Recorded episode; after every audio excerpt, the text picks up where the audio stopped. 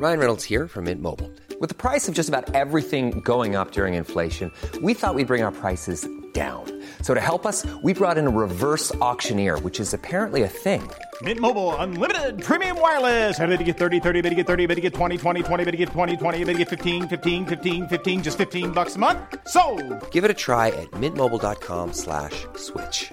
$45 upfront for three months plus taxes and fees. Promo for new customers for limited time. Unlimited more than 40 gigabytes per month. Slows. Full terms at mintmobile.com.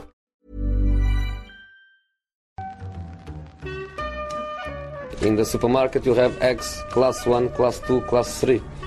And some are more expensive than others, and some give you better omelets.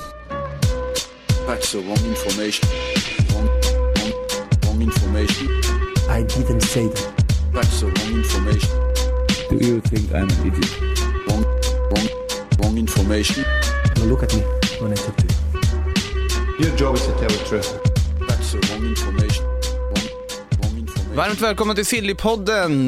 Det är onsdag, vi är, ja mitt i är väl inte riktigt, men riktigt i slutspurten av ett fotbolls-EM och eh, man märker ju lite här att vi är på slutspurten av ett EM, för nu börjar den här sillykarusellen rulla igång, övergångar börjar bekräftas, det börjar dyka upp fler och fler historier baserat både på spelare som varit i EM, men kanske också Copa America-spelare och så vidare. Det finns allt möjligt där ute i karusellen på sedvanligt maner. Eh, kan börja med att konstatera att eh, Felix Thornberg är här igen. Hur är läget med dig?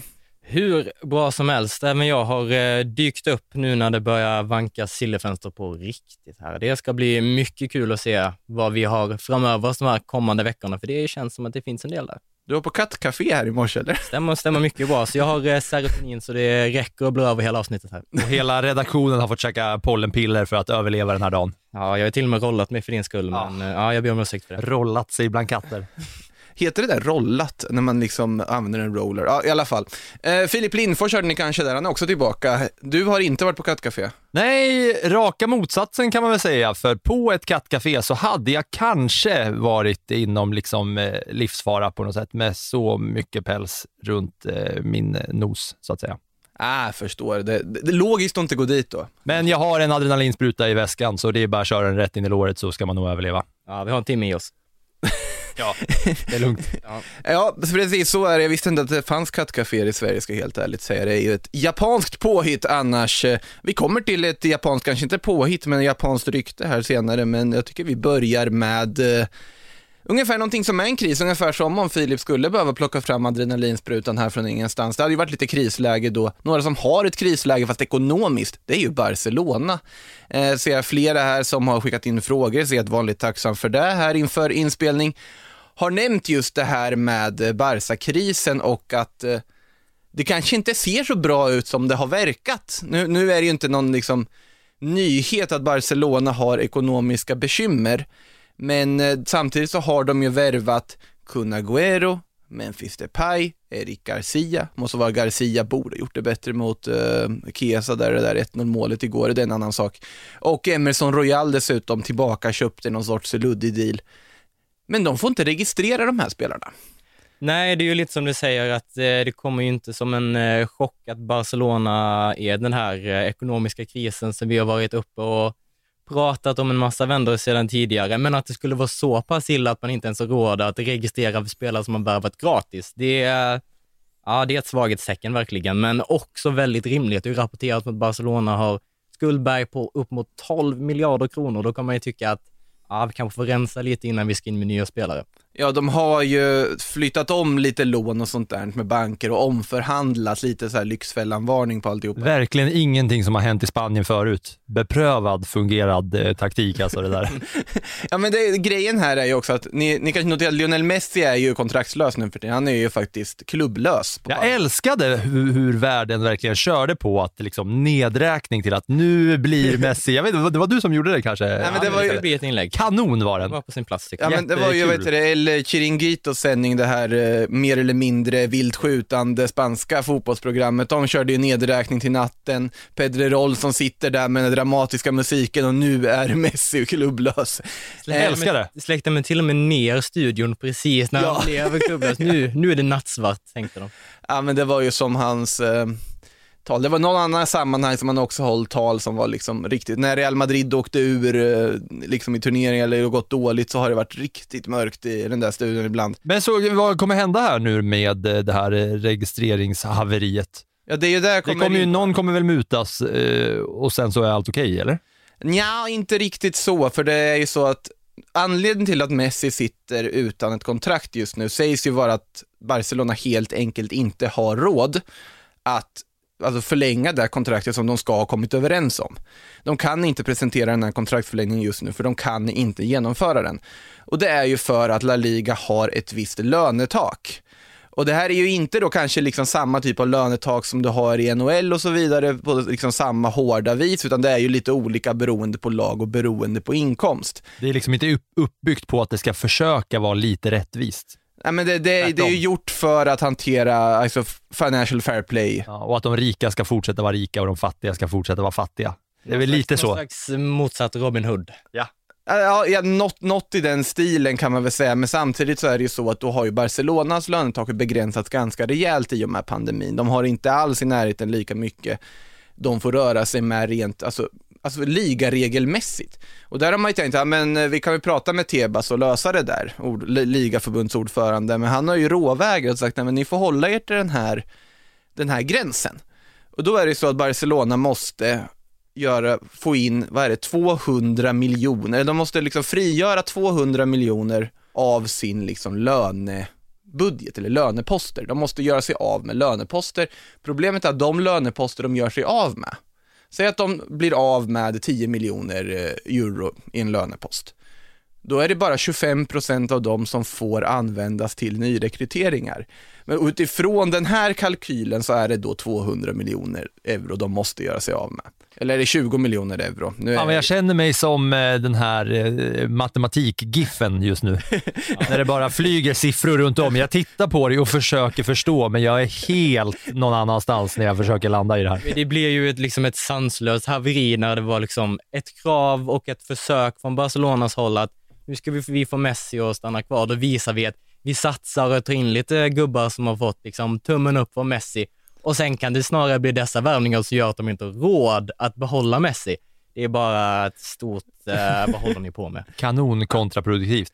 200 miljoner euro är det i alla fall. Det var där, det, det, det har slängts lite med siffror lite hur som helst. Och då kommer det landa i att de måste skeppa folk.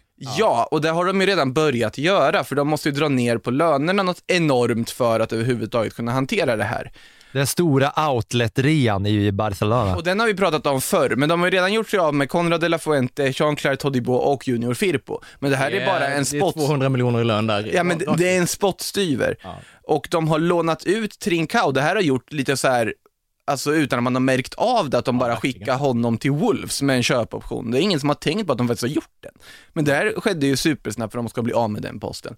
De bröt kontrakten med Matteus Fernandes, kommer ni ihåg att jag bara nämnde det lite spontant förra veckan utan någon egentlig anledning, Ja, bara att jag ville nämna nej, att jag- han fanns. Jag satt som ett stort frågetecken, men nu, nu blir det ju ett utropstecken här. Nu Ja, när ja, jag, men facit- när jag kan se det. Med facit i hand blev det ju det, för att Matteus Fernandes som då har gjort sammanlagt en kvarts speltid i Barcelona under sina, ja, hur lång kontraktet nu var. Eh, han kom 2020 och skrev på ett femårskontrakt, skickades direkt till Valladolid på lån och gjorde 17 minuters spel i en Champions League-match på Dynamo Kiev. Det är allt Matteus Fernandes gjort.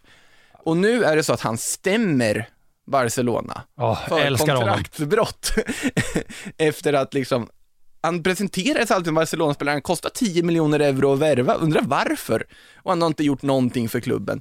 Umtitis kontrakt vill de säga upp för att få plats med honom, men han vill inte säga upp det här kontraktet heller. De är så sköna Barca, för de tänker ändå så här, ja men kom, kom igen Skyrra, vi är ändå Barca, kom igen nu allihopa. Det här, ni måste väl vara schyssta mot oss ju, kom igen.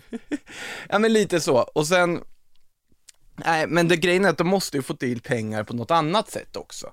Och här kommer då kruxet, att antingen så försöker de förhandla ner löner på spelare som redan finns där, som de redan har börjat göra med, typ Sergio Busquets, Gerard Piqué och så vidare, att dra ner deras lön. Sergio Roberto, om de ska förlänga med honom, den lönen måste de ju kasta ner med tanke på hur överdrivet hög lön han har Den är fått. helt brutal. Och sen då samtidigt försöker jag som andra spelare, Coutinho, Griezmann är ett alternativ försöker göra sig av med. Det finns ju liksom massa alternativ som diskuteras då, så att eh, stökig situation. ska bli väldigt spännande att se nu här. Man eh, hoppas ju någonstans att det ska hända något riktigt, riktigt kul med, eh, med den här Messi. Att eh, det, det liksom går så långt så att vi är bara några dagar bort från eh, säsongstarten. Vi får en ny Ingen vet vad som nedräkning i spansk tv också. Ja, till, eh, premiär, till premiären. Messi vet inte riktigt vad som Mm. ska ske. Hans Panama-pengar ska liksom in på det där kontot eh, och sen så står man där eh, några dagar innan och så kanske det blir eh, en rejäl eh, huggsexa där och så landar väl Messi i Saudiarabien kanske, eller? Ja. ja, det gör han väl Ja, inte. nu- Det, han kommer vill liksom nog... inte riktigt gå in innan jag sa att ja, ja. Om det är någon som egentligen borde kunna bete sig på det här eh, Barcelona-sättet att vara schysst mot Barcelona för att det är Barcelona, så borde det ju vara Messi, om någon. Alltså mer Messi än Umtiti så att Jo, säga. jo, jo, men bara, alltså Messi kan göra det, men samtidigt så han måste ju få sitt kontrakt också. Mm. Så att det är ju det som liksom är problemet här. Att, Men det känns som Barca, eh, hela den här spanska manana manana mentaliteten skulle kunna eh, landa bättre med att Messi får reda på att eh, ja, men det, vi kanske inte har de här cashen nu och sleva upp, va? men ja, men fan, du har ju ändå varit här så länge så du kommer få dina pengar, det är lugnt. Medan Umtiti kanske inte eh, riktigt är sugen på att göra samma grej om, om de vill att han ska gå ner i lön. Nu Nu har vill man jag- skeppa honom, men nu, har, nu har jag lösningen här spännande. Vi, eh, vi gör som så att vi förlänger inte med Messi, utan istället så registrerar vi eh, Agüero, Erik Garcia och gänget och sen väntar vi transferfönster och sen säljer vi dem med vinst och sen tar vi in Messi igen. Då har vi lösningen. han kan sitta där och bara rulla tummarna ett halvår. Exakt. Han gör en eh, Ardan Turan. Alltså det, det är ju en oroväckande sit- sits de sitter i, så är det ju. Sen har vi ju så här, Miralem Pjanic måste de också bli av med. Sen har de amorteringskrav på alla möjliga tidigare värvningar som, alltså det är, det är en sån soppa de sitt som Bartomeu har lämnat dem i och det är roligt, vi glömde bort den en stund på att, ja men nu värvar de Agüero, Depay och så vidare. Nu ser det ju ganska bra ut, men ja. Och vi har varit inne på det förr också, att för att bli av med gubbarna som de sitter på nu så måste de ju lura på någon lite spelare. Och eh, ja, där ser det väl ut att gå, gå som det går. Men eh, vem vet, de kanske har några kort upp i, upp i rockärmen här. Ja, vi återstår att se en av de som jag nämnde där som skulle kunna bli av att de gör sig av med, då är ju Antoine Griezmann. Eh, han har ju haft en liten Manchester City-koppling här nu som har dykt upp. Det känns ju också som att det är väl inte så aktuellt om typ Harry Kane och Grealish och alla ska in, men Ja, en Och så- Erling Haaland var det. Ja, han också ja. där. Alltså Barcelona hade nog velat försöka få pengar för Osman Dembélé, så den skadan han drar på sig nu, den är väldigt opassande. Men nu måste de ju antingen då tappa honom gratis nästa sommar, eller förhandla fram ett nytt kontrakt med honom. Coutinho sitter också skadad, vilket gör ett problem att överhuvudtaget få pengar för honom. Så att det är ju väldigt, de kan behöva ta väldigt svåra beslut, till exempel titta på att, ja men ska vi sälja- sälja Jordi Alba? Mm. Men alltså, eller liksom, oj, det kom en miljard för Ansu Fati, det kom en miljard för Pedri. Ja, det kanske är ett läge de måste börja titta på sådana bud, men då är frågan, är det bättre att faktiskt bara acceptera faktum att det här var på något sätt Messi-avslutet? Ja, det, Det känns det, ju väldigt ovärdigt. ja, Väldigt, Det känns väldigt Barcelona 2021 att avsluta ovärdigt med Messi. samtidigt. Ja. Jag kollar på eh, schemat här och det är så att ligastarten i Spanien är väl 13 augusti, så vi är i princip en eh, månad bort. Det lär ju eh, trappas upp i tempo på eh, spanjackerna där borta kanske. ja, det ska bli mycket, Ja. mycket spännande att följa. det är- blir väldigt spännande om inte annat. Eh, vidare då, någonting som är officiellt. Achraf Hakimi är nu helt klappad och klar för Paris Saint-Germain. Spontana reaktioner på den här gången? Ja, vi har väl, eh, vi var inne och snurrade på det lite förra veckan med att eh, det är en väldigt bra spelare som eh, kommer göra PSG till ett eh, bättre lag. Vi pratade om det tidigare att det är en stor brist på dugliga ytterbackar i det laget och med en Ashraf Hakimi i laget så är ju den spontana känslan att det kommer bli wingbacks och att vi kommer sedan få se en eh, trebackslinje med Kimpembe, Marquinhos och Ramos. Och sen skulle det även sägas att det blir en väldigt bra affär för Inter också som eh, smällde hem honom från eh, Real Madrid för eh, ja, runda slänga 400 miljoner. va? Ja, 40 miljoner euro var det väl Ja, där. och nu snackas det väl om åtminstone 600 miljoner med lite add-ons och liknande. Så En- jag tror ja. att eh, alla är nöjda här och det är inte alla gånger det blir så. Fast det är ett väl- jättetapp för Inter sportsligt, men samtidigt Jo, så jo. är de ju ett, ja, i ett läge där de måste få in pengar så att och på så sätt, de får ju bra betalt för Hakimi här. Exakt.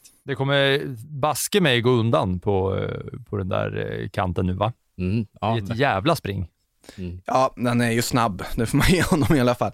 Eh, det kommer nog hända mycket i PSG också, kommer nog vara snabb med att börja presentera saker. Sergio Ramos uppges ju ha gjort läkarundersökning och ska presenteras som Paris Saint-Germain-spelare. Apropå spanska ovärdiga avslut. ja, absolut. Alltså från Real Madrid tänker du då? eller? Ja, du kanske känner att det är supervärdigt? Nej, alltså det, Real Madrid är ju inte bra på att tacka av trotjänare. Sergio Ramos gjorde 16 säsonger där. Såklart det finns en ovärdig aspekt i att han sitter och gråter på en presskonferens med alla titlar bakom sig. Ja, mitt i ett EM också, så det, liksom, det blir nästan Där som han att inte han... får vara med. Ja, exakt. Det blir nästan som att han smög ut bakvägen ändå. Ja, lite så, men samtidigt här också nu, så valet han gör av klubb visar tydligt också hans intentioner. Och intentionerna skulle jag säga är ganska tydliga att han vill branda sig. Kultur och tavlor och god mat i Paris. Och kläder. Ja, det kan det mycket väl vara också, men jag tänker att det är ju att branda sig själv och börja säkra för efter han har slutat som spelare. Att, eh, att liksom bygga ett varumärke, börja liksom med den typen av PR-jobb. Det är ganska tydligt tycker jag på Ramos, jag tror det är den vägen han vill gå här nu. Och, och synas på så sätt, då är ju Paris en fantastisk andra. Sen är det ett väldigt bra lag han kommer till såklart Ja, och det verkligen. lockar ju garanterat också att spela under Pochettino där. Ja, men och sen är det väl verkligen så att eh, det här är en sån jäkla del i att PSG känner att fan vad nära vi var den här Champions League-titeln nu och verkligen lite golden generation i, i PSG också, om de värvar in spelare av den åldern. Så liksom att det, det är inget eh, som vi känner att nu är det tre, fyra år till att vi ska liksom så bygga upp långsamt, utan det var nära och, och snuddade vid eh, den där Champions League-finalen och nu ska de liksom försöka, men det känns ju omöjligt för, eh, för PSG att faktiskt få, få klippa den där bucklan. Ja, nästan. Men eh, det kändes ju någonstans som att eh, det var en satsning av den här digniteten som var på gång när man såg att Neymar ändå var ganska tidigt ute och förlängde sitt kontrakt. Det kändes som att han hade fått eh, lite indikationer på hur det skulle se ut nästa säsong eh, redan då. Och sen ska vi inte heller glömma att vi har en eh, Donnarumma som verkar vara dagar ifrån ett eh, PSG. Han ska ju Nu presenteras, men det finns ju uppgifter på att Keylor Navas kommer vara första valet. Oj, shit. Och det tycker jag är jättekul. Eh, det, det, det, ni som undrar, för jag tycker det är så fruktansvärt roligt, kan lyssna på tidigare avsnitt och höra Patrik Syk prata om korta målvakter. Någonting av längden va? Eh, ja, exakt lite så. Nej, det, men det, det får vi ju se hur det stämmer. då. Vinner Italien EM-guld så är ju Donnarumma eh, första keeper i PSG. Jag tror inte att det spelar så stor roll om de vinner eller inte där. Bra PR att värva in målvakten som eh, räddade eh, Italien till ett eh, EM-guld. Efter att ha läst Marcus Leifbys live-rapportering igår så, så tänker jag bara på ventilationstrumman Ja, när jag tänker på verkligen. Det är Donnarumma. mitt. Utan att ha läst den så tycker jag också att det är i mitt huvud. Mm, Ja, bra. rimligt. Bra poäng. Dålig han var igår, Donnarumma. Jaha. Dålig? Oj. Oj. Det var nu får en... du lov att utveckla. Nej, men det kändes ju, i början kändes det som lite tävling mellan han och Simon, vem som skulle kunna liksom klanta till det snabbast och eh, värst. Men sen så fick han väl eh, lite upprättelse och, och, och Apropå, rädda. Han apropå räddade ju trots allt Morata straff och sen eh, hämtade det, var ju Italien det var ju inte tack vare Donnarumma, det var ju tack vare Det var det Morata. väl, han räddade ju Det straff. var ju Mora, Mor- Morata som, eh, som räddade Donnarumma där. Alltså jag tyckte så synd om Morata. Jag måste Ja, säga, jag tyckte så fruktansvärt synd om Morata i det här läget. Alltså att, eh, Ja, exakt. Han Såklart, han är en professionell fotbollsspelare, det hör till alltihopa, men det fanns någonting att han, han blir plötsligt bänkad. Mm. Han kommer in och gör en så pass bra match som han ändå gör med sitt inhopp, gör Mm. ett jättefint 1-1 mål. Och så Ja. står han där och på något sätt blir syndabocken då. Men det var ju också skrivet i eh, Såklart det alla var. diverse Ja. stjärnor innan. Ja, det och det var det var verkligen. någon brittisk eh, poddmänniska som, som nämnde att på samma sätt som man ska liksom ha en fasta situationer-tränare så borde man ha en narrativtränare som borde veta att när den där straffsparksläggningen börjar, att Morata har liksom varit utdömd, Mm. utskrattad, kommer in här nu och är på väg att rädda dem, så är det ju så att alla i hela världen vet om att det är ju Morata som kommer sumpare. Och då borde man ha en narrativtränare som bara vet om det här. Mm. Vi kan ta varenda spanjack på hela arenan och kliva fram och slå den där straffen. inte han. Inte han. Han kommer bomma. Ja. det, narrativet är klart. Ja, exakt. Det kändes ju också extra givet efter eh, den här kvartsmålfirandet han gjorde efter det här målet. Men jag trodde aldrig det skulle ta slut.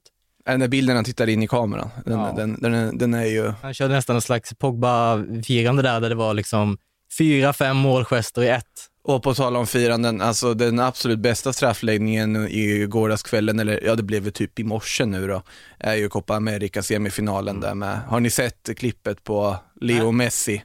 Nej, men sånt blodiga fot däremot.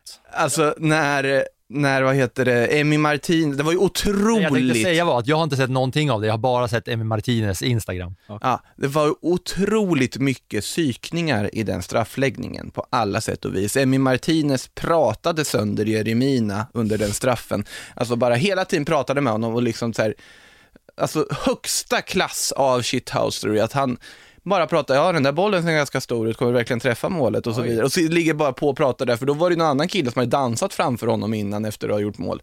Jeremina firade ju sitt mål i straffläggningen mot, eh, nu ska vi se, Uruguay i kvartsfinalen med att göra en dans. Oj. Vilket också uppmärksammades på att han faktiskt målfirade med en dans på en straffläggning. Men Emi Martinez alltså psykade ut honom fullkomligt, räddar straffen och då ser man Leo Messi som står jublande och skriker dansa nu då, dansa nu då till Jeremina i den situationen. Helt fantastisk straffläggning. Då hör man ju direkt här utan att ha sett straffarna att, eh, apropå Silly, att Emi Martinez återigen visar att eh, Arsenal gjorde ett av sina största misstag när de, Absolut. När de släppte honom och, och satsade på, på tysken istället. Ja, du har inte, du har inte fel där. Nej, det, han har steg sina aktier i det här eh, mästerskapet En av också. världens bästa målvakter va? Ja, ja, och- ja, alltså han är väldigt bra, men På vad man drar gränser för världens bästa målvakt. Topp 100, absolut. det är inte svårt att göra intryck i argentinska landslaget med tanke på historien. Inget, inget ont om Romero, han var jättebra i eh, landslagssammanhang om många år, men det var ju inte någon så här toppen, toppen målvakt. Eh, men Emi Martinez, stor hjälte för Argentina där i koppan. Stor också. Lång. Om man vill inte ha någon som står framför en och snackar skit. Pratglad liksom. Ja. är han också. Står där och psykar, då vill man inte ha jätten Emi Martinez. Nej, eh, vidare till något helt annat, nämligen Manchester United. För Jadon Sancho är ju klar. Mm. Jag vet inte, var han officiellt klar när vi satt där då senast? Det var han nu faktiskt inte. Han var Vill inte jag det. minnas. Men nu är han det! Nu är Och vi säger äntligen! Vad, vad tråkigt att det är över nu. Att det är liksom, nu får vi inte läsa de här rubrikerna och, och fundera och, och, och liksom blicka mot hur ska det bli med Sancho. Jo, men vi Jag får blicka mot båten annat. här, Helt andra båten nu. Äntligen slipper vi det här skriveriet. Alla har ju vetat att det skulle hända. Och nu äntligen är det klart. Nu kan vi inte bara så här prata om Sancho som spelare istället för dessa uh, skriverier som vi har haft nu i år och dagar. känns det. Ja, Men- framförallt så kommer det bli kul för att nu kommer ju folk faktiskt se honom spela. Ja, Till exempel de, de i Manchester United som aldrig har sett honom spela, ja exakt. Det finns förutom i nog en eller landslaget. två där. De, de som inte vet hur man väljer Bundesliga där i tablån menar du? Ja, Ja, just exakt. det, just det vill säga varenda britt på jordklotet. De som är inne på, eh, på Viaplay och säger Frankfurt, eh, fan är det Championship eller? Ja, innebandyligan. Ja. I alla fall, eh, vi, vi har andra transfergrejer med United att titta på istället. För de ska ju nu ha börjat blicka mot Rafael Varan, bland annat från Real Madrid. Inte heller en så här illa dold hemlighet att de är intresserade av honom och intresserade av en mittback. Dessutom, Kamavinga från Rennes och det här tyckte jag var väldigt intressant att han nu har dykt upp på radarn. Han har ju pratats väldigt mycket till Real Madrid många år och han har pratats i alla möjliga toppklubbar, PSG också och så vidare och de är ju fortfarande intresserade. Men United ska ändå ha visat ganska rejält intresse enligt ganska många relativt trovärdiga källor här. Eh, Kamavinga till United, vad säger ni, är det rätt mittfältsval för dem? Jag säger ett såklart ja här.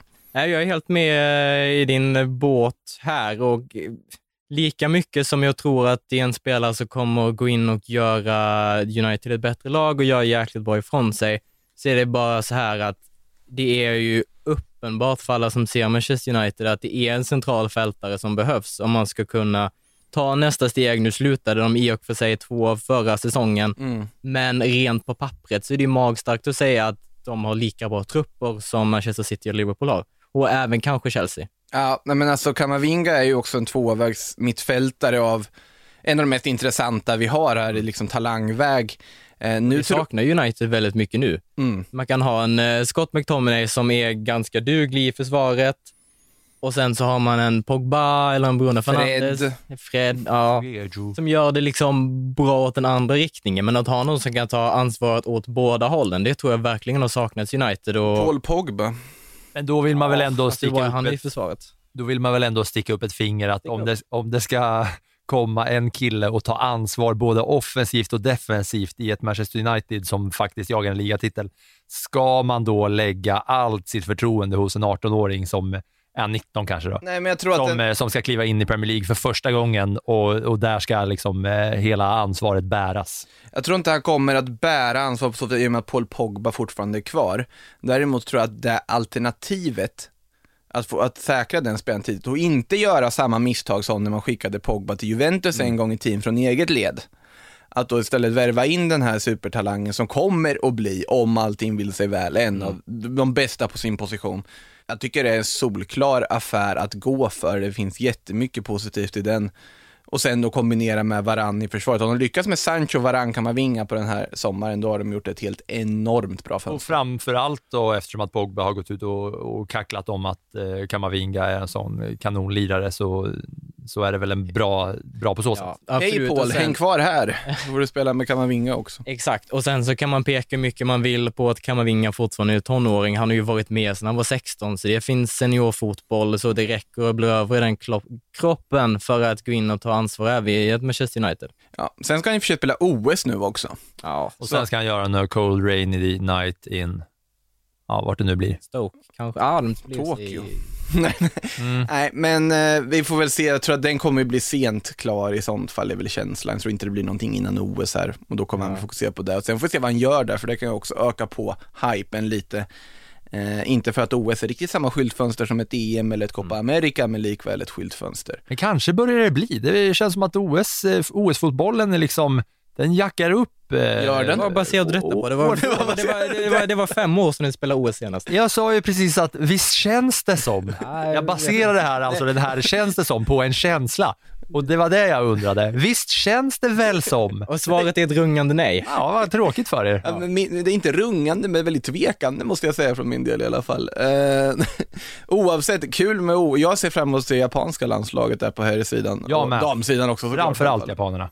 Ja, eh, i ett hemma-OS Vi, ser, vi har ju sett nu i EM vad hemmafördel gör, va? så det är ju redan klart att det blir japanerna i final, va? Jag slänger mina ögon på damlandslaget istället. Det tycker jag kittlar ett par grader mer. Alltså för svensk publik så är ju faktiskt herrturneringen totalt ointressant. Det är ju eh, Sydkorea, Australien, Nya Zeeland, Ja, du hör ju. Egypten, Sydafrika, Egypten utan Mohamed Salah som inte får Honduras, åka. Honduras. Mexiko. Är Jerry Bengtsson med? Ja, säkert. Rumä Rumäniens U23. Det är ju ett eh, kanon-OS.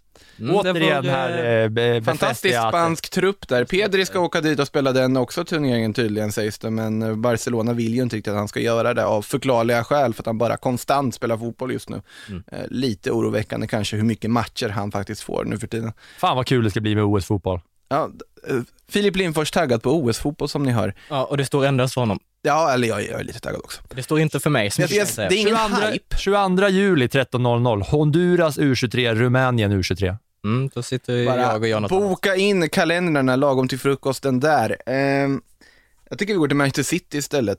För där finns Raheem Sterling, Raheem Sterling som gör det väldigt bra här under fotbolls-EM just nu och varit en av Englands bästa spelare, mest tongivande spelare och eh, mod, alltså tystat kritikerna lite här under det här liksom landslagsturneringen. Men i City så har han ju varit lite in och ut i startelvan och vi har pratat om det tidigare här att det finns ju, kan ju vara aktuellt med en flytt någonstans. Det har pratats om här i den här studien så kastar man ju fram långskottet Arsenal, vilket faktiskt inte är helt osannolikt känns det som. Ja, det eh, Tottenham, ett annat lag som dykt upp. Real Madrid, där gamla intresset har dammats av också och dykt upp igen. Det var ju på tapeten för flera år sedan att Real Madrid ville ha Raheem Sterling och det sägs ju då att Sterling ska ha väckt lite intresse över att Sterling ska ändå vara någorlunda öppen för att kanske flytta på sig beroende på vad som händer, men City vill nog inte göra sig av med honom. Vad säger ni för Raheem Sterlings del? Skulle jag känna på en flytt? Ja, alltså till att börja med så vill jag bara understryka det som du, du inledde med att säga att eh, han har verkligen eh, överraskat mig med sin insats här i eh, EM. Det var ju... Alltid bra i landslaget dock. Ja, det ska i och för sig sägas, men eh, jag trodde absolut inte, jag trodde inte ens att Raheem Sterling skulle starta i det här laget. Men eh, man måste ju någonstans också förhålla sig till eh, den verklighet som är förra säsongen där han inte riktigt fick ut det vi är vana vid att se eh, Raheem Sterling få ut. Jag tror jag pratar för alla Premier League fantasy-spelare när jag säger att det var en frustrerande säsong. Så att utifrån det så skulle han, ja fast under Guardiola så har han ändå blommat ut så pass mycket så att det känns som att det är rätt miljö för honom. Eh, jag vet inte om det finns fler steg för honom att ta och utifrån det så tycker jag det känns ganska ologiskt att han skulle till ett Real Madrid och rota. Ja, fast det är ju, ja, alltså om ska ha Sterling och Vinicius på varsin kant, det blir inte Då blir det slut. yvigt spel. Det blir inte mycket slutprodukt. Det blir eh, 6-0 varannan match och så blir det 0-0 eh, de andra matcherna. Ja, nej, jag, jag tror ju inte mycket på det här, men Nej, samtidigt... men jag tyckte också det känns, det, det- de här att du nämner liksom Arsenal och Tottenham i samma mening som Sterling ska flytta, det känns ju, eh, redan där så är man ju borta. Ja, och sen det är så klart. vill han väl inte lämna pappa heller.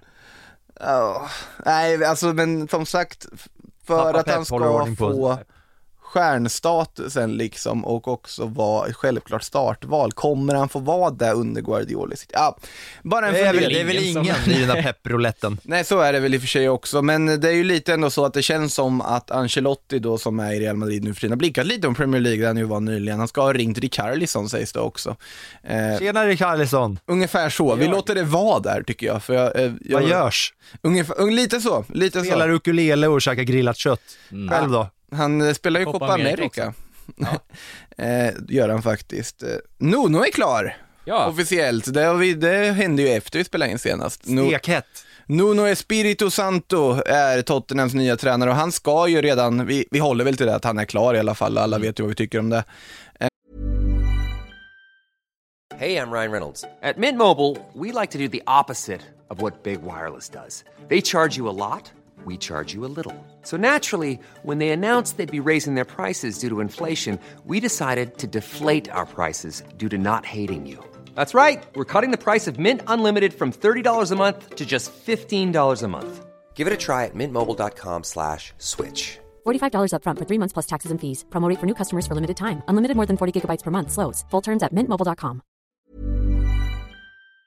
Eh, och han ska ju börja titta på värvningar och då sägs att den första som Tottenham då ryktas nu få in är Takehiro Tomiyasu från Bologna, en mångsidig 22-årig japansk landslagsback. Det känns ju logiskt att jag och Felix börjar prata om eh, den övergången. Ja, Absolut, vad, vad säger du då Filip? det känns, eh, ja men det är väl en eh, gubbe som, det, det mesta jag har på honom det är att han är fostrad i Avispa Fukuoka.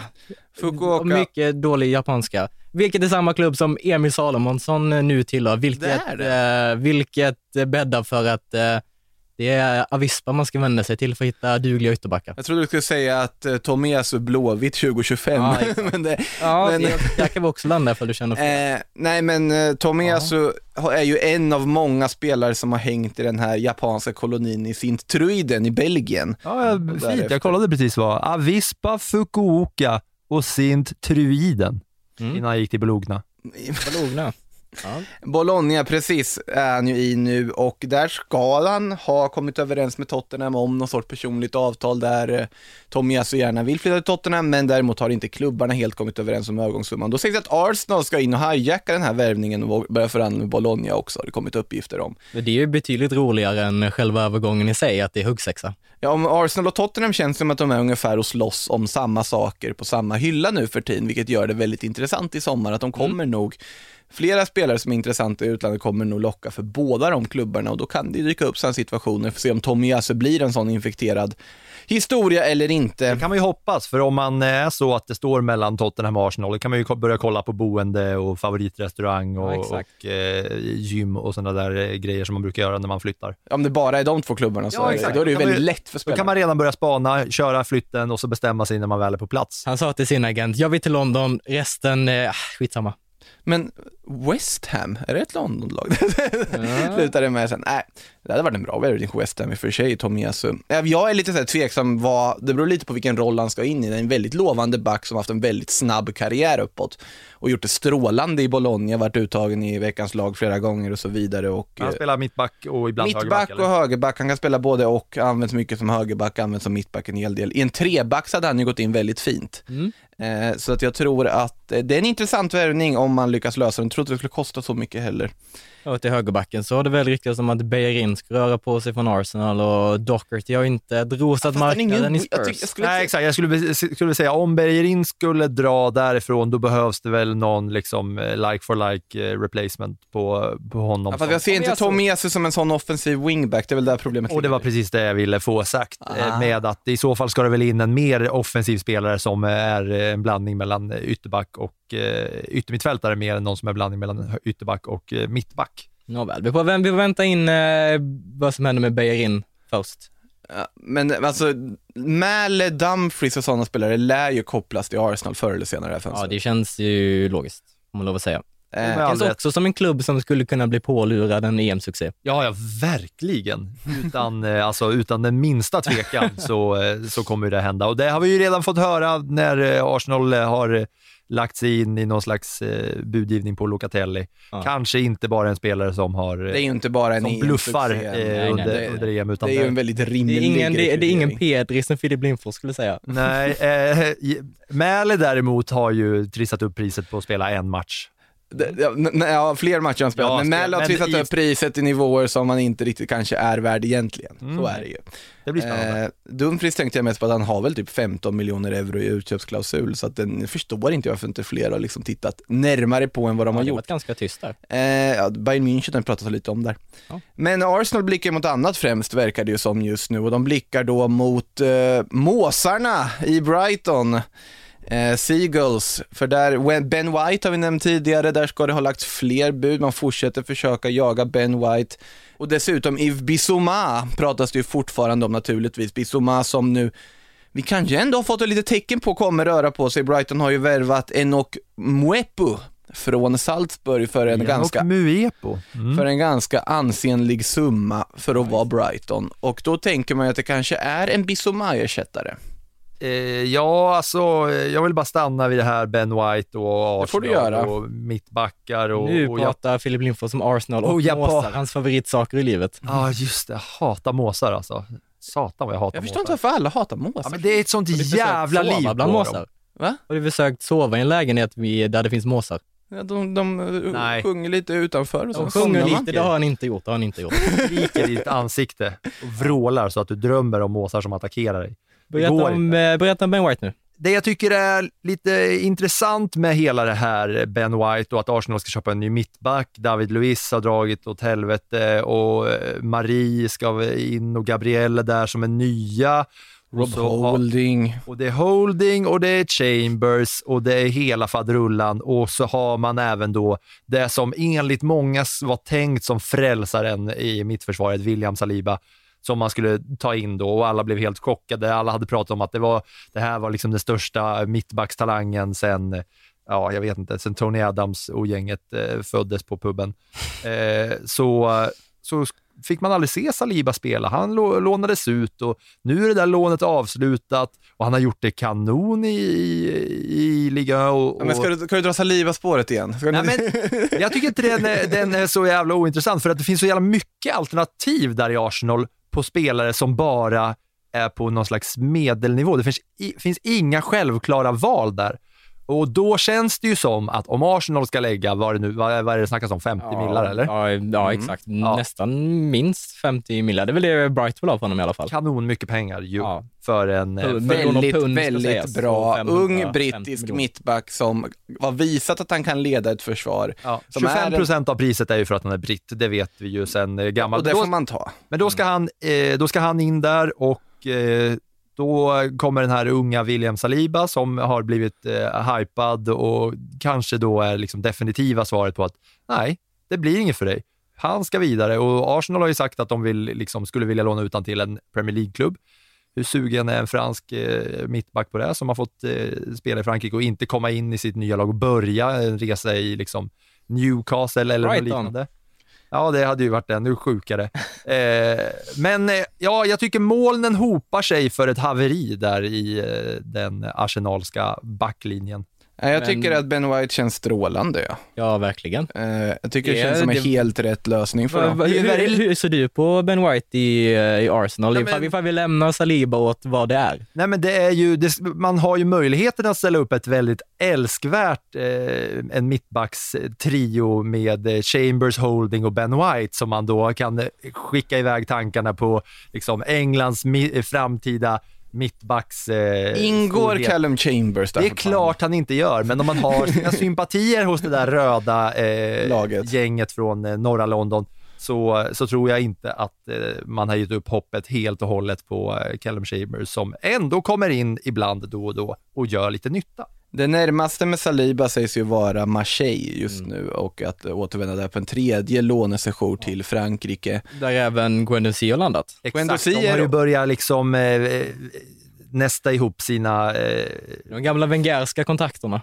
Marseille som nu för tiden tränas av en viss San Pauli. Just det. mm. Eh, bara en sån sak. Vem vill inte spela under San Pauli och hans livs? Och det som då kanske talar för att eh, Saliba eh, hela tiden har varit en planerad eh, vinstförsäljning eh, landar väl lite mer nu när man vet Ja. att eh, Guendouzi är klar för eh, Marseille, att de har redan börjat göra affärer med varandra och då kanske det känns eh, närmre till hands att eh, kruta på ett annat papper Sen- som kommer med i faxen. Sen har ju inte Saliba gjort det lätt för sig med tanke på de här eh, lite suspekta sociala medier-skandalen sånt där han hade så har han ju inte direkt liksom bara lagt upp en öppen matta för sig själv och glida in på Ars- Arsenals försvar heller. Nej, exakt. Han det är ju inte, det är inte bara från ett håll i det här fallet. Eh, men om man bortser oavsett på liksom vilka som finns tillgängliga, om man tittar på truppen för Arsenal har nu och sen tänker Ben White in här, spel, mittbackspar med Gabriel, ja säger jag att det här är en superrekrytering om man lyckas få igenom det, men vi får se hur det går med det. Eh, vidare till Milan tänkte jag, de ska ersätta Hakan Çalhanoğlu för han har gått till Inter. Och då har det pratat om lite alla möjliga namn, bland annat Felipe Coutinho förutsatt att han skulle vara frisk. Isco från Real Madrid som väl någon förr eller senare faktiskt ska lämna Real Madrid också. Och då är min spontana fråga till er, om ni fick välja, och nu räknar jag med att båda är friska då, och krya och eh, någorlunda verkligen det? spelsugna. Hade ni helst velat ha Coutinho eller Isco som ersättare som tia i Milan? Ja, det är ju jätte, jättesvårt att komma ifrån att de ska vara hela och, och friska och allt Ja. det där, men eh, känns det inte... Åh, jag velar nu känner jag. Men jag hade nog ändå landat på en Coutinho till slut. Han känns eh, mest lik en Çalhanoğlu. Mm. Filip? Eh, ja. Fan. Pest eller kolera? Ja, alltså det är väl, båda, båda borde väl ha blivit eh, större och bättre än vad de eh, har blivit om det, De är inte så långa. om det snackas om Coutinho och, och, eller Isco till eh, ett, ett Milan som Jag kan- jag- når ända fram. Isco borde ju ha varit mer än vad han är just nu. Ja, Isco tror jag också har mycket med liksom egen inställning att göra. Det är den känslan jag har fått i alla fall. Han har inte riktigt lyft överhuvudtaget på det sättet man trodde. Sen vet man hur mycket fotboll han har i sig, men det, det, det, det är någonting som saknas. Sen Eh, är det alltid svårt med spanjorer att att lämna hemifrån tycker jag. Som har varit där hela, Fast det- hela karriären. Fast har inte det brutits något på senare år med tanke på hur många som ändå Jo, har lyckats i England? men som de som har dragit Diaz var ju tidigt. dessutom i Milan den här säsongen. Ja, Brahim Diaz var ju där. Det gick inte så bra för honom. Ja, till och från, till och från. Ska man vara spanjor och, och lämna Spanien med eh, rak, rak rygg och, och stark pondus, då lämnar man tidigt. Men det blir en annan eh, liksom stanna hemma hos mamma-känsla när man har varit eh, på samma plats eh, hela livet och så är man italienare eller spanjor. Vi landar i att eh, Milan låt bli och så går vi vidare. Ja, lite så. Ja. Där kan vi, vi kan konstatera lite Det är saker ingen two for one där och det går inte att klämma båda två. Ja, det hade väl i och för sig gått att göra spontant också, Man men... de eh, 35 millar eller? För, Det hade ändå varit bra om de fått Det känns i- växeldra däremellan med tanke på skadehistoriken som finns. Faktiskt, faktiskt. Men det, de kostar lite i lön också, är Ja, min gissning. eh, Beroende på hur mycket, för Barcelona vill bli av med lön, så de lär inte vilja betala så mycket av Coutinhos lön då. Nej, men det är ju där också, om vi bara land till, hoppar tillbaka till lite den här eh, barcelonska bankkrisen, så, så känns det ju som att alla som är intresserade av, alla, alla i fotbollsvärlden vet ju vad som händer med Barca. Alla vet att de måste bli av med lirare. Alla vet att eh, Coutinho vill dra därifrån och därför är man ju i ett ganska bra förhandlingsläge oavsett vilken klubb och vart man, vilken valuta man handlar med i världen när man ska handla av eh, Barcelona. Mm. Vi måste bara nämna att Marco Silva har gått i Fulham. Ja, det är Alltså- ju Alltså, med, helt tanke, otroligt. med tanke på haveriet senast när en, börjar med att be om ursäkt för det. en, sam, ja, ett samlad, eh, samlad studio glömde bort vad Marco Silva heter. Den där portugisen som en gång var i Everton. Vem var han nu igen? Och sen bara dyker han upp där på ryktesradarn direkt efter inspelning. Han är på väg till Fulham. Han har officiellt presenterad för Fulham också. Kul för Marco Silva, kul för Fulham. Eh, Fulham som då skickar Scott Parker som hamnar i Bournemouth istället. Eh, intressant eh, rekrytering där också tycker jag faktiskt. Vi måste ju lägga till det för att verkligen bevisa hur, hur sjukt det är att tog upp honom i studion, eller tog upp, eller tog upp, vi eh, missade ju hans namn. Vi glömde bort han har ju Vad, vad sa ni istället då? Colin Farrell? Nej, vi kom inte på namnet helt Nej, vi, enkelt. vi googlade. Men det som gör det extra liksom, intrikat i hela det är att Marco Silva har ju varit arbetslös när han lämnade Everton 2019. Exakt, och det, det vet jag att vi tog upp också, att han har faktiskt inget jobb, han sitter ju där ute och inte någonting att göra. Och så Ja, bara plötsligt dyker han upp för Fulham direkt efter. Levt livet. Läst böcker och spelat eh, guld och silver mot vägg med polarna. Och Alla sen, vägar bör till Fulham. och sen måste vi också ta upp att eh, du, var det väl Felix som nämnde, Robin Olsen, att Real Sociedad hade väl inte varit så dumt. Nej. Och sen kom jag in på att ja, men de är väl rädda för Mattias Asper-historien. Där dök det upp ett Real Sociedad-rykte direkt efter också. Vi satt och sköt från höften, men eh, ibland så... Ibland prickar man då också. Han Och är väl också lite lik rent eh, med sina fysiska attribut. För, en, Asper. för ett par spanska ögon. Släng på Robin Olsen ett par långbrallor och eh, inte riktigt lika, gryn i kameran. han är inte riktigt men det- lika blond som Asper. Nej, man, man vill nog inte ha en liksom, Mattias Asper-historia igen snarare. Nej, det var ju Däremot verkar vi kunna stänga den, alltså för att eh, butiken i och med att det verkar som att Matt Ryan ska till Real Sociedad.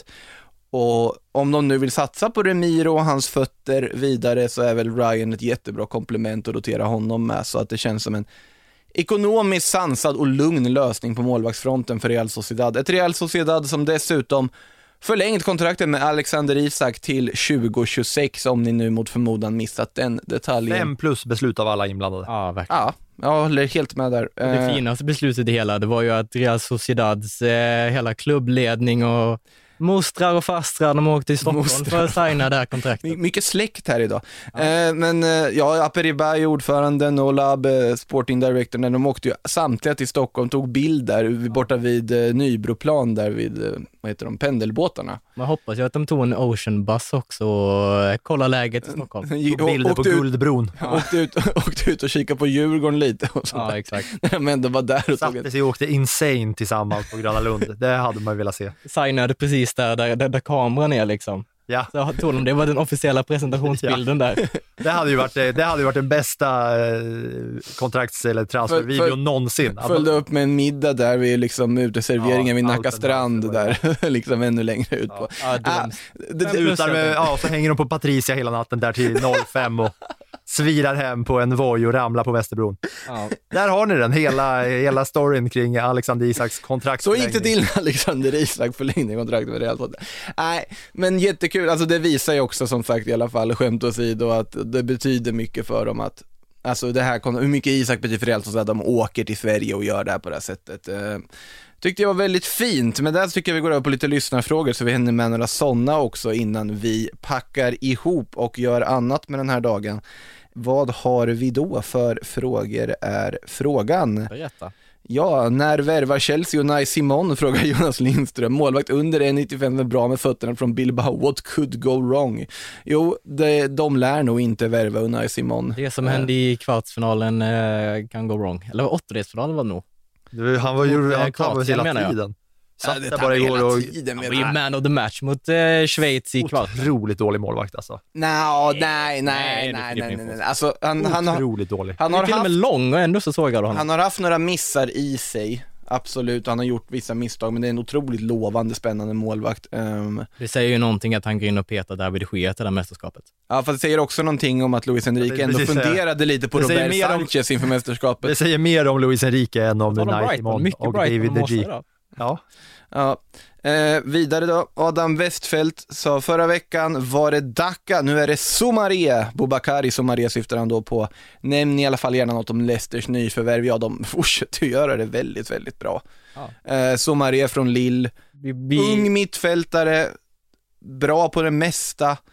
Alltså de vet ju precis vad de håller på med i Leicester, um, fortsätter imponeras Exakt. av dem. Vi sköt ju lite från höften eh, även gällande mittfältare till Leicester i förra avsnittet. Då nämnde vi Renato Sanchez. De valde Somaré istället och båda två, det känns helt kanon tycker jag. Charlie Larsson frågar vad är oddsen på att Patrick Schick går till en storklubb för 700 miljoner, gör fyra mål på hela säsongen och sen lånas tillbaka till Bayer Leverkusen nästa sommar. Alltså om de betalar 700 miljoner för honom då, Nej, men dra ner den där prislappen så har du nog inte mer än 1,11 gånger pengarna. nej alltså om du drar ner den till runt så här 300, Jajamän, jajamän. 300-350 Ja, ja. där någonstans. Garanterat att han drar någonstans, gör fyra mål och sen lånas ut. Ja, då, då, ja men då, då finns det Absolut. utan tvekan. Det Det, Det, känns, det känns som ett givet EM-lurendri detta. Ja alltså det, det är ju någon klubb som desperat vill ha en forward, Och då är vi där igen. Då skulle ju det finnas en, eh, en narrativ eh, coach som skulle veta om att så här kommer det bli. Det blir inget.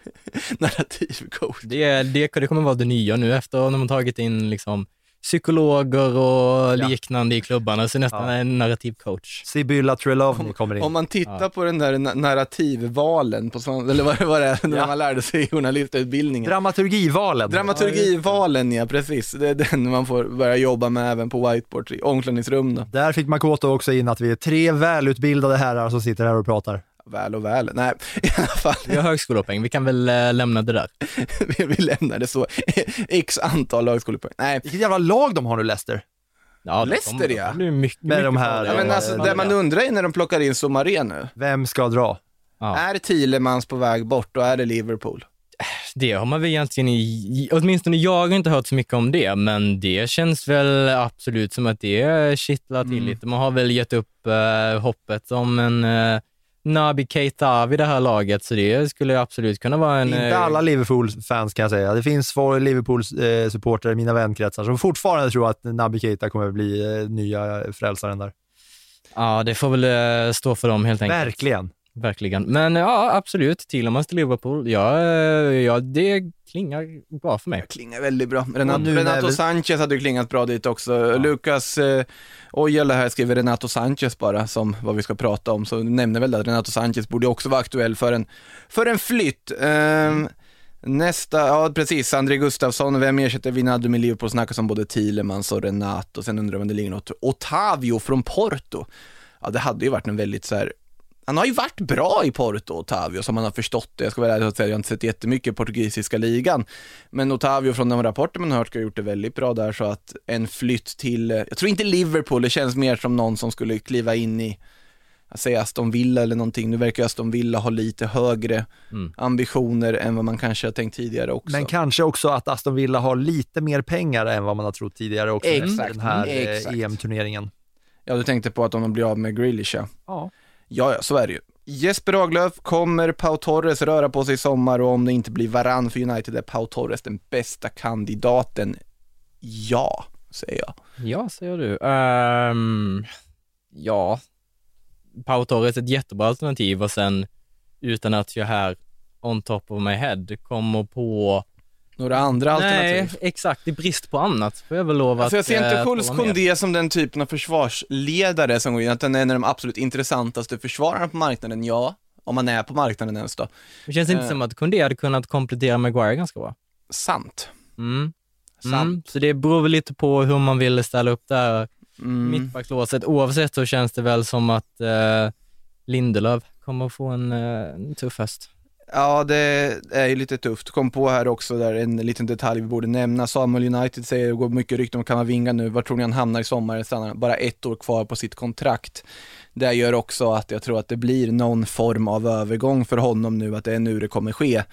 Eh, och det ska bli kul att se honom i, ja, om det så är Premier League eller La Liga eller vad det nu blir. Helst att han inte går till PSG bara så att vi får se honom i någon liga vi kanske följer mer än den franska, även om såklart många följer den franska också. Pri- Prislappsmässigt så eh, är det ju väldigt eh, härliga, härligt med det där kontraktet som går ut om ett år, men eh, utvecklingsmässigt på en 18-åring då på Kamavinga som har ett år kvar Mm. på kontraktet så är det ju inte idiotiskt att Nej. spela ut det där kontraktet och sen göra en bra säsong till, välja och vraka. Och sen, och sen göra en eh, sån här Martin, Martin Ödegård-turné. Ja, Ja, exakt. Och bara åka, ja det, så är det ju, men sen är frågan hur intresserad är Ren av det? Nej, det är De är nog inte så intresserade av att eh, släppa honom gratis med tanke på hur mycket pengar de kan få för honom. Så då är det snarare att han förlänger och sen säljs av liksom. Och på tal om vem de ska ersätta Kamavinga med i Rennes. Ja, Jens Kajuste, just det, det har det ju ryktats om. Kajuste, just det. Ah. Eh, det är väl perfekt frågar sig Erik A här och ja, det tycker jag faktiskt. att Det är väl en perfekt övergång för honom. Ja, absolut. Och de är ju lite lika i, i spelstil också. Att eh, Kajust är väl lite mer av en spelande central mittfältare än vad vi haft historiskt i det, i det svenska landslaget. Och Och bra ju bollvinnare också. Och känns Champions också, League-rutin. Det ska man inte heller tröjmässigt så är det väldigt passande också. Det är lite liknande Ja, just det, just det. Eh, över till den. Han kan ju nästan ta med sig sin Midtjylland-tröja och bara byta ut märket. Ja, exakt. Han behöver inte liksom Smidigt. ändra färg på sina skor och sånt för matchat i matchtröjan, utan det är bara att köra vidare på det han har. Smidigt på så sätt. Enkelt, logistiskt smart övergång, och liksom modemässigt smart övergång för Jens Ja, Kajuste. inte... Det är, det är inte bara Ramos som tänker i mode här, utan även Jens Kajust. Ja, det är helt rätt. Otroligt spännande att Nej, följa men hans nu- framfart. Ja, jag tänkte precis säga det. Eh, vad kul om det skulle bli så. Mm. För att, eh, fan det är ju någonting med, eh, med Kajuste-jäkeln på plan. Och Som, gör, som är lite intressant, att det är lite, lite, det är lite annorlunda känsla än med andra liksom, svenska mittfältare som har Han har en internationell, alltså vad heter det? touch. Ja, men sättet han spelar på också. Han är ju en modern mittfältare i sättet han liksom hanterar boll, förstår spel, vinner boll, liksom kan göra det mesta. Jag tycker det är eh, jätteintressant spelare i framtiden. Kul att han har fått genomslag. Jag tycker tråkigt att han inte fick speltid i eh, EM, måste jag säga. Men sen måste vi också Tråkigt tillägga att eh, man har ju saknat svensk-kolonin i Rennes. Det kanske blir ett nytt upplyft för den. Kolonin, hur många var de? Ja, men vi har väl eh, Kim Källström var ju där. Kim Källström, Andreas Isaksson, Isaksson. Peter Hansson Just det, han var också. eh, och inte Ola Toivonen har varit och snurrat i Rennes också.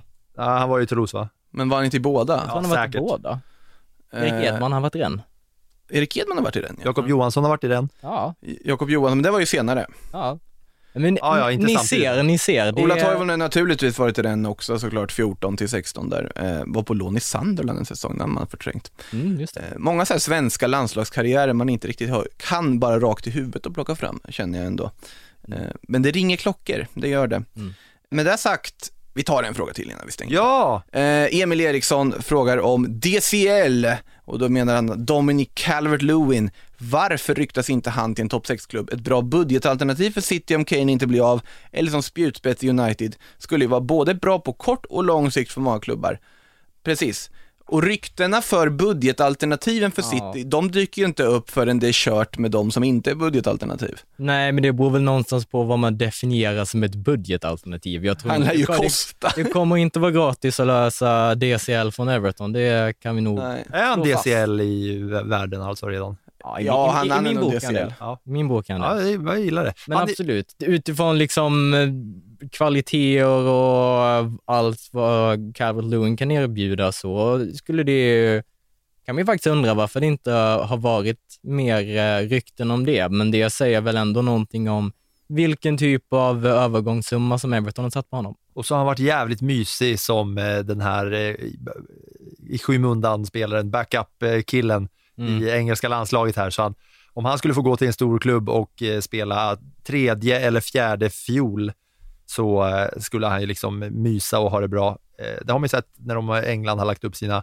härliga sociala medier Just det, de hade väl någon slags enhörning i någon pool. Ja, exakt. Sakas eh, Ride with the Unicorn, där de också la upp en ensam, liksom, de hade frilagt både Saka och Unicornen som man kunde photoshoppa själv, även utan liksom, bra photoshop-skills, så att man kunde Sånt man gör. göra vad man ville. Men i alla dessa mysiga liksom, gulligull-videos med engelska landslaget så är Calvert Lewin där och skrattar och klappar på axeln och han är glad och alla andra blir liksom glada och härliga av honom. Så, eh, Det är, bara, det är bara att slänga ut 800 millar från dem direkt om ni vill ha god stämning i laget. Ja. Ja, precis. Calvert Lewin alltså, sägs att Ancelotti ringt honom också. För det, det, är klart. ja, det. Eh, Vi kan säga så här också, Fredrik Eriksson ber oss att förklara härvan som Bartomeu lämnat efter sina löneposten är för hög i Barcelona om man inte kan registrera spelare. Det började vi med. Mm. Frågan är om vi lyckades och om ni inte lyckades så lär vi prata om det igen. Annars är det bara att spola tillbaka hela vägen till första eh, delen av eh, avsnittet och lyssna på det en gång till. När, när det blir liksom med siffrorna som man låter ungefär som farbror Vattenmelon i Varan-TV. Och ifall det är förvirrat så ska det också sägas att det är förvirrat För att det är förvirrat. Exakt, exakt. Det är precis så. Många siffror, många kontrakt, många löner och många problem som Barcelona sitter i just nu när de alltså ska nyregistrera sina nyligen invärvade fri transfervärvningar och dessutom förlänga världens eh, kanske dyraste och bästa fotbollsspelare på köpet också. Ja. Så de har mycket att göra. Eh, vi har inte så mycket mer att göra här, så tack för idag. Tack Felix, tack Filip tack. och tack alla lyssnare. Tack! Så hörs vi snart igen. Adios! In the supermarket, you have eggs class 1, class 2, class 3. And some are more expensive than others, and some give you better omelets. That's the wrong information. Wrong, wrong, wrong information. I didn't say that. That's the wrong information. Do you think I'm an idiot? Wrong, wrong, wrong information. Now look at me when I talk to you. Your job is to tell the truth. Du har lyssnat på en podcast från Aftonbladet. Ansvarig utgivare är Lena K Samuelsson.